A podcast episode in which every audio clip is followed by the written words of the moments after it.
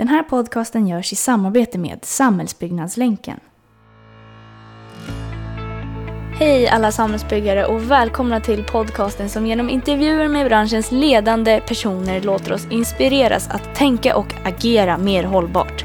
Nu snackar vi samhällsbyggnad. Veckans gäst har sedan sin examen från väg och vatten på KTH haft en spännande och varierande karriär inom olika företag. Idag är hon regionschef för det snabbt växande bostadsutvecklingsföretaget Beskab. Vi ska få prata med ingen mindre än Lotta Niland. Välkommen hit Lotta Niland, regionchef på Beskab. Tack så hemskt mycket. Hur känns det att vara här på KTH? Men det är jätteroligt att vara här igen. Ja. ja, för du har ju pluggat här, men vi kan komma tillbaka på det senare. Men vi börjar prata om vad gör Beskab för någonting? Ja, men Beskab, vi är projektutvecklare av bostäder. Eh, vi gör alla sorters bostäder. Vi gör eh, äganderätter, bostadsrätter, vi gör vårdboenden men även hyresrätter.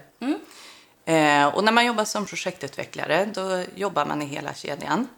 Så att vi börjar i ett tidigt skede och hittar mark och har en idé om vad det här ska bli. Och sen så jobbar vi med att eh, förverkliga den idén egentligen. Så att vi driver detaljplaner och vi säljer bostäder och, och bygger bostäderna sen också. Och så lämnar vi över det till, till våra slutkunder. Och sen så finns vi med ett tag till eh, även efteråt. Eh, och hur jobbar man som regionchef? Eh, jag ansvarar övergripande för eh, vår verksamhet egentligen som håller på med bostäder. Eh, och då är det i stort och smått på något sätt i alla skeden. Jag ansvarar för de projekt som ligger i Stockholms län. Sen är vi tre regionchefer på Beskab och då gemensamt så ansvarar vi för organisationen och våran process. Ja, spännande. Ja.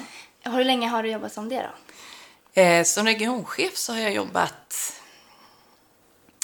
det är nog en sex år ungefär. Ja. Hur skulle du säga att en vanlig arbetsdag ser ut då?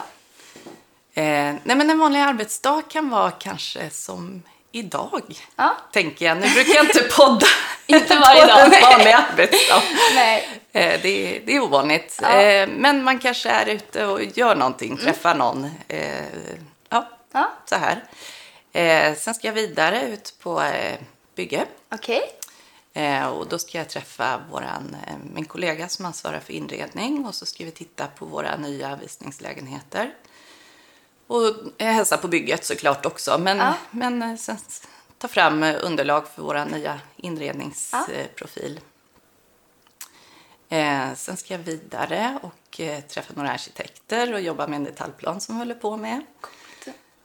Och sen så ska jag tillbaka till kontoret och sy ihop prognossiffror för projekten som vi jobbar med. Så det är lite det är stort och smått på något Ja, sätt. Men ett väldigt roligt och varierat jobb. Ja, det låter väldigt varierande och roligt. Ja. Om vi backar tillbaka, hur kom det sig att du blev intresserad för samhällsbyggnad från början? ja, det har jag grundat på också faktiskt. Jag har ingen i min släkt eller Nej. i närheten som, som fanns i byggbranschen Nej. egentligen överhuvudtaget. Däremot många ingenjörer så att eh, jag hade någon, någon typ av koppling till KTH på, på ganska många håll. Ja. Eh, jag tror att jag någonstans alltid har varit en projektutvecklare så att jag har alltid haft olika projekt för mig hemma tidigare och även nu som vuxen. Eh, och jag blev så glad när jag kom på att, att det här fanns ens. Som, jag visste inte riktigt vad det var när jag började plugga. Nej, det var precis samma för mig faktiskt. Ja. Och ehm, om vi kollar tillbaka i tiden, Mm. eh, vad har du gjort sedan du tog examen? Och vad pluggade du förresten? Var det väg och vatten eller? ja, jag pluggade väg och vatten. Ja. Väg och vatten. Och var det någon speciell inriktning? Ehm, ja, jag gick eh, eh, tung anläggning så jag jobbade Okej. med, eller jag pluggade bergmekanik jäklar. och dammbyggnad. Väldigt långt från bostäder. Ja. Eh, men när jag började plugga så tänkte jag nog att, att det var bostäder Mm. som, som intresserade mig. Eh, och jag hade ett sabbatsår eh, mitt i studierna. Då jobbade jag på arkitektkontor och tyckte att det var ju världens drömjobb. Ja, så att det var lite visionen. Ehm, Men sen framåt slutet av utbildningen när man börjar läsa olika typer av kurser så jag blev så fascinerad av de här dammarna och, Ja. och tunnlarna och det. Så, och det var, väldigt, det var väldigt bra föreläsare Ja. på de kurserna så att jag, jag fastnade för det. Eh, och någonstans så tror jag att det var lite meningen att det skulle bli så för att jag, när jag gick ut så var det mitt i djupaste fastighetskrisen. Det var Ja. mitten på 90-talet.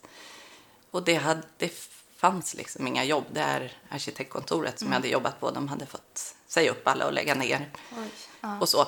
Eh, däremot så, så kom ju eh, eh, stora politiska beslut om att bygga ringleder runt Stockholm.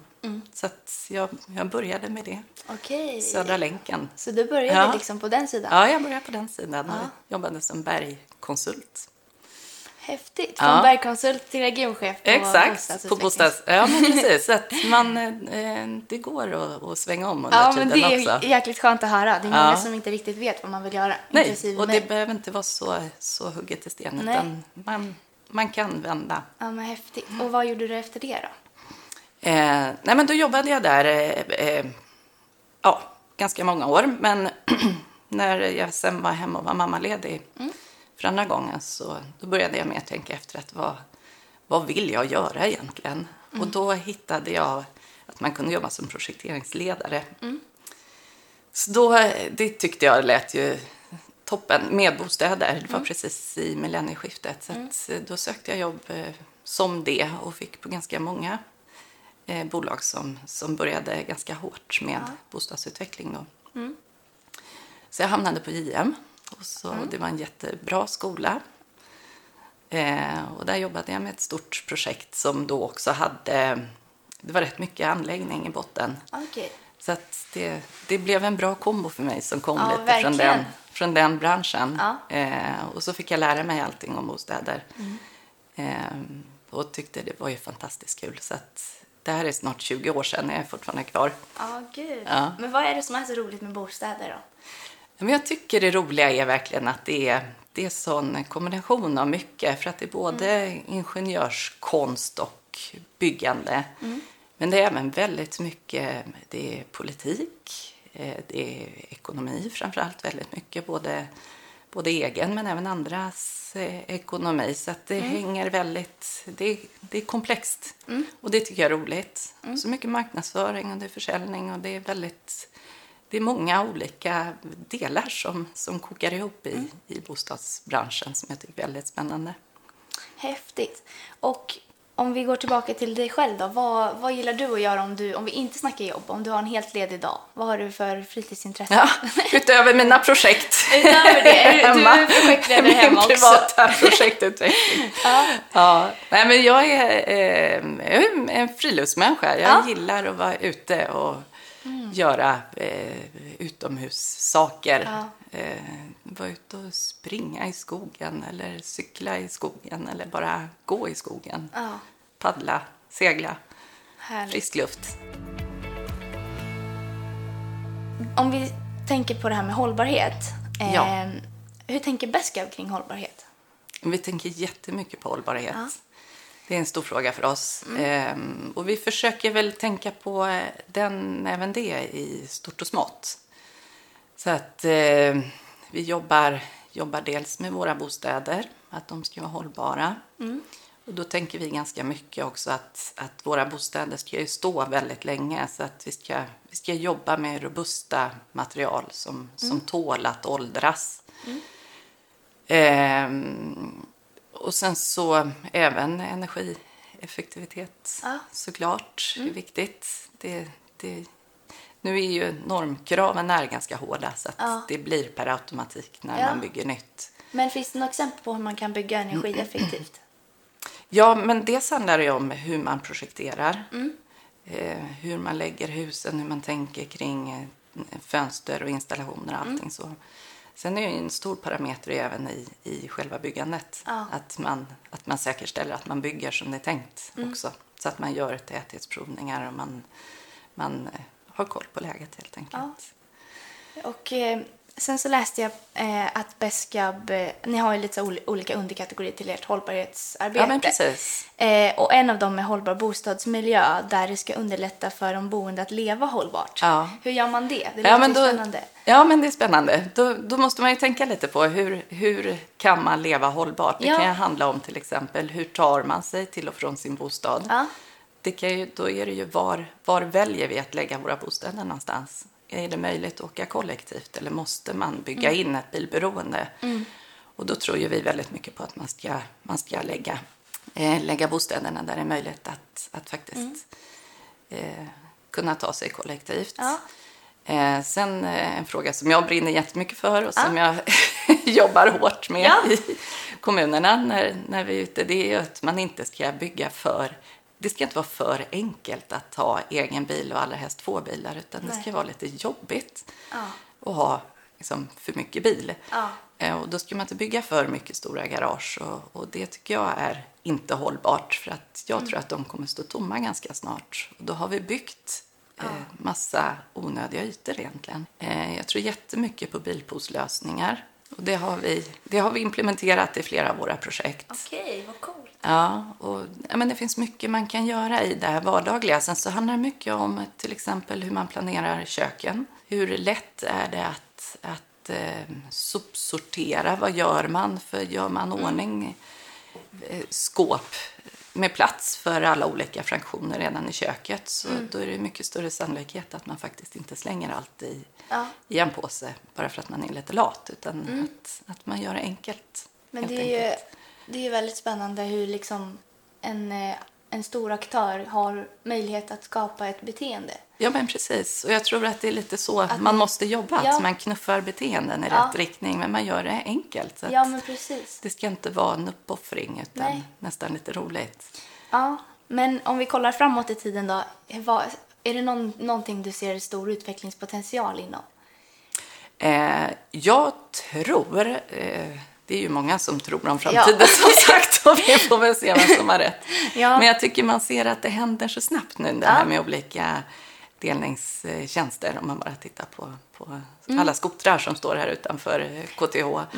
Hur snabbt en sån sak har etablerat sig och spridit sig så tror jag att, att eh, man kommer säkert kunna se sådana lösningar även på bostäder framöver. Att, att man kanske inte måste bo på en och samma bostad hela tiden. Man kanske har olika bostäder för olika behov. Och Spännande.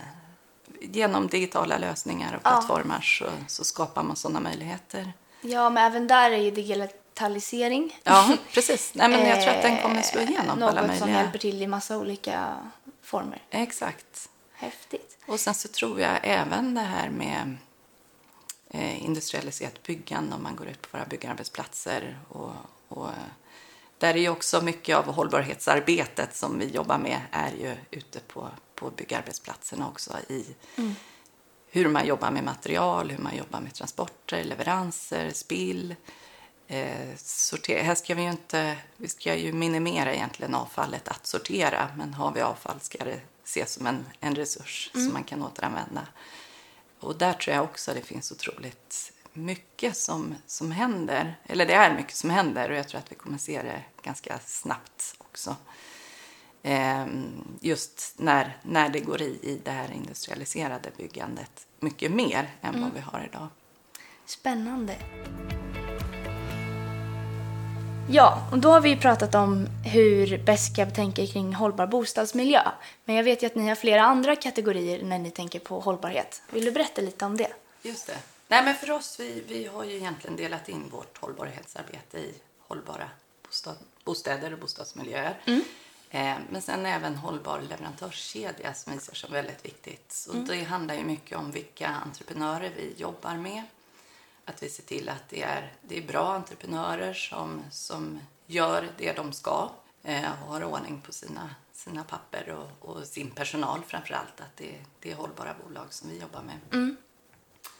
Eh, men sen är det även att vi är ett hållbart bolag. Så att eh, Beskab som hållbart bolag. Och då handlar det mycket om vårt interna arbete, hur vi jobbar med, med att vara en bra arbetsgivare. Mm. Att det ska, ja, men man ska må bra när man går till jobbet. Man ska ges bästa förutsättningar att göra sitt jobb på ett bra sätt.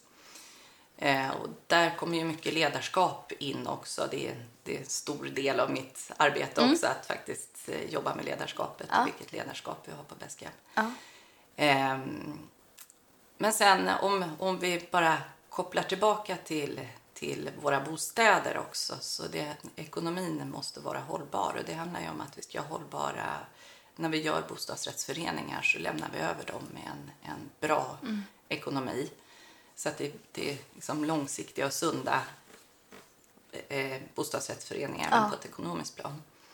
Eh, och det handlar också då om att när vi bygger klimatsmarta bostäder och eh, uppfyller alla de här olika certifieringskraven som, som finns i olika former så kan våra kunder också söka gröna bostadslån och vi kan också som bolag söka eh, grön finansiering för, för våra bostäder. Så att det finns väldigt mycket win-win i det här. Att Ja. faktiskt eh, ha hållbarhetsfokus i, i alla led som man jobbar i. ja, men gröna bostadslån, är det någonting nytt? Eller? eh, Eh, ja, lite kanske. Ja. Men det är någonting som, som de flesta banker ändå har. Okej. Man måste ha med sig tänket kring de här gröna bostadslånen redan i tidigt skede. Så att redan Okej. nu när vi sitter och tittar på detaljplaner och, och finns förutsättningar att, att kunna skapa bostäder som sen i slutändan kan finansieras med gröna bostadslån. Så det är liksom Beskabs eh, arbete som gör att era kunder kan få möjligheten att ta ett ja, grönt vi har gjort ett bostadslån? bra jobb i Okej, början. Så, spännande. så eh, kan våra kunder sen då förhoppningsvis få gröna bostadslån. Ja, Så det, det tycker jag är bra eh, incitament som ändå finns. Ja, verkligen.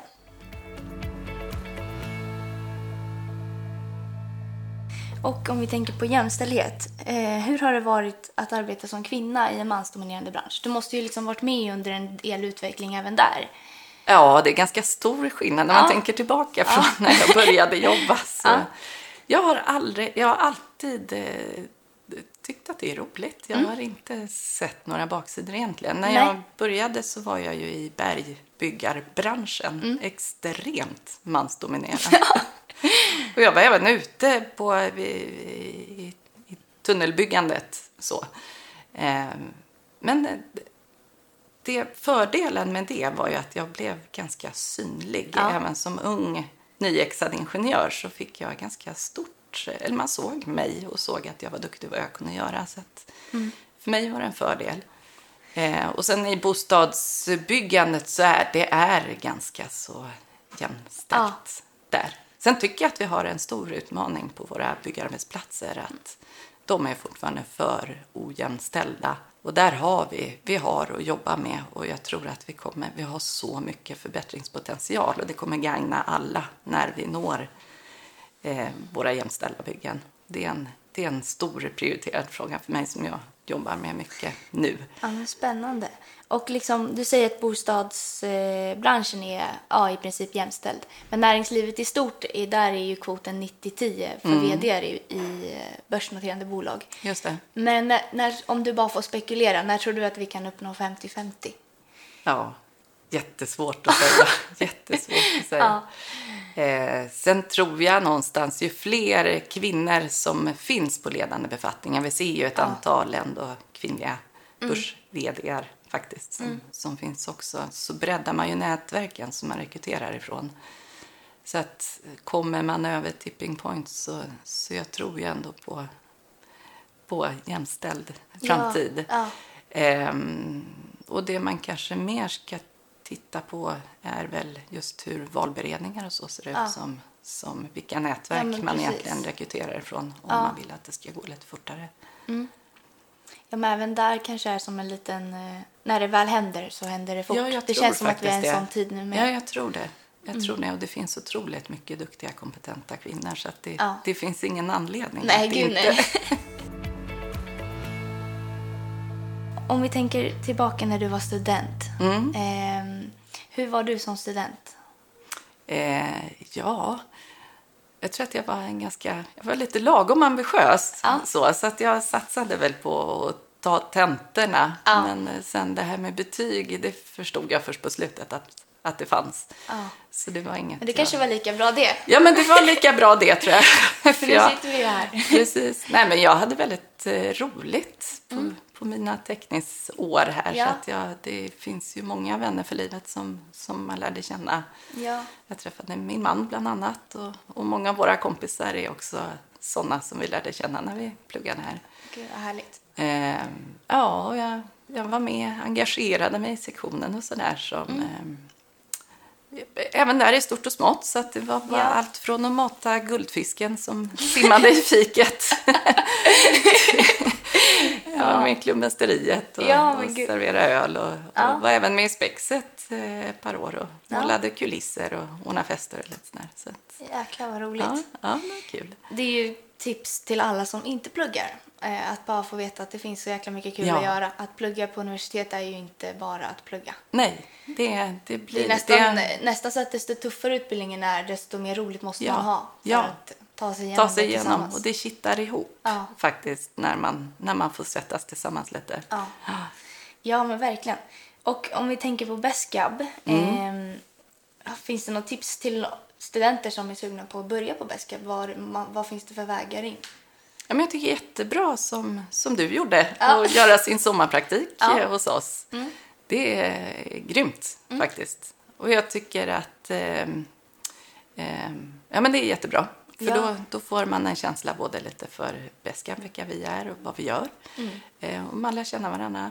Ja, det, Och vi försöker verkligen att, att öppna alla våra byggen eh, för byggpraktik. Sen kan det vara så att, att eh, när de är i olika skeden att det blir mer eller mindre intensivt Ja. byggarbete man får göra. Ja, Men eh, annars, exjobb eh, kan ju också vara en väg eller Ja. eh, allmänt att ta kontakt med oss och, och höra av sig på, på arbetsmarknadsdagar på Lava och sådär. På, ja. ja, det var bra tips. Ja. Eh, och om man tänker hur man som student kan få en rolig och givande karriär. Har du tre tips?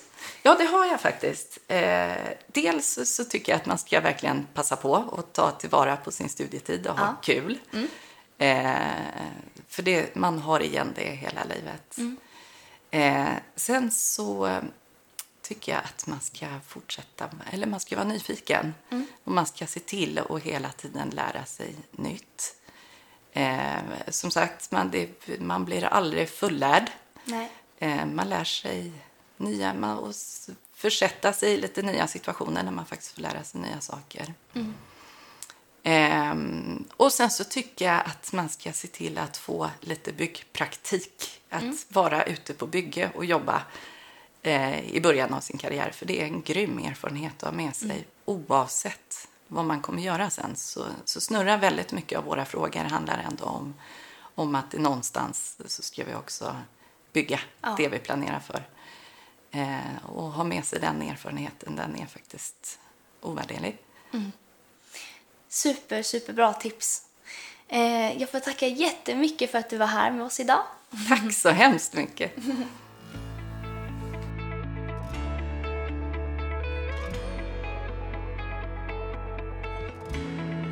Du har lyssnat på ett avsnitt av Nu snackar vi samhällsbyggnad. Jag hoppas att du tyckte om det, för i så fall hörs vi nästa vecka.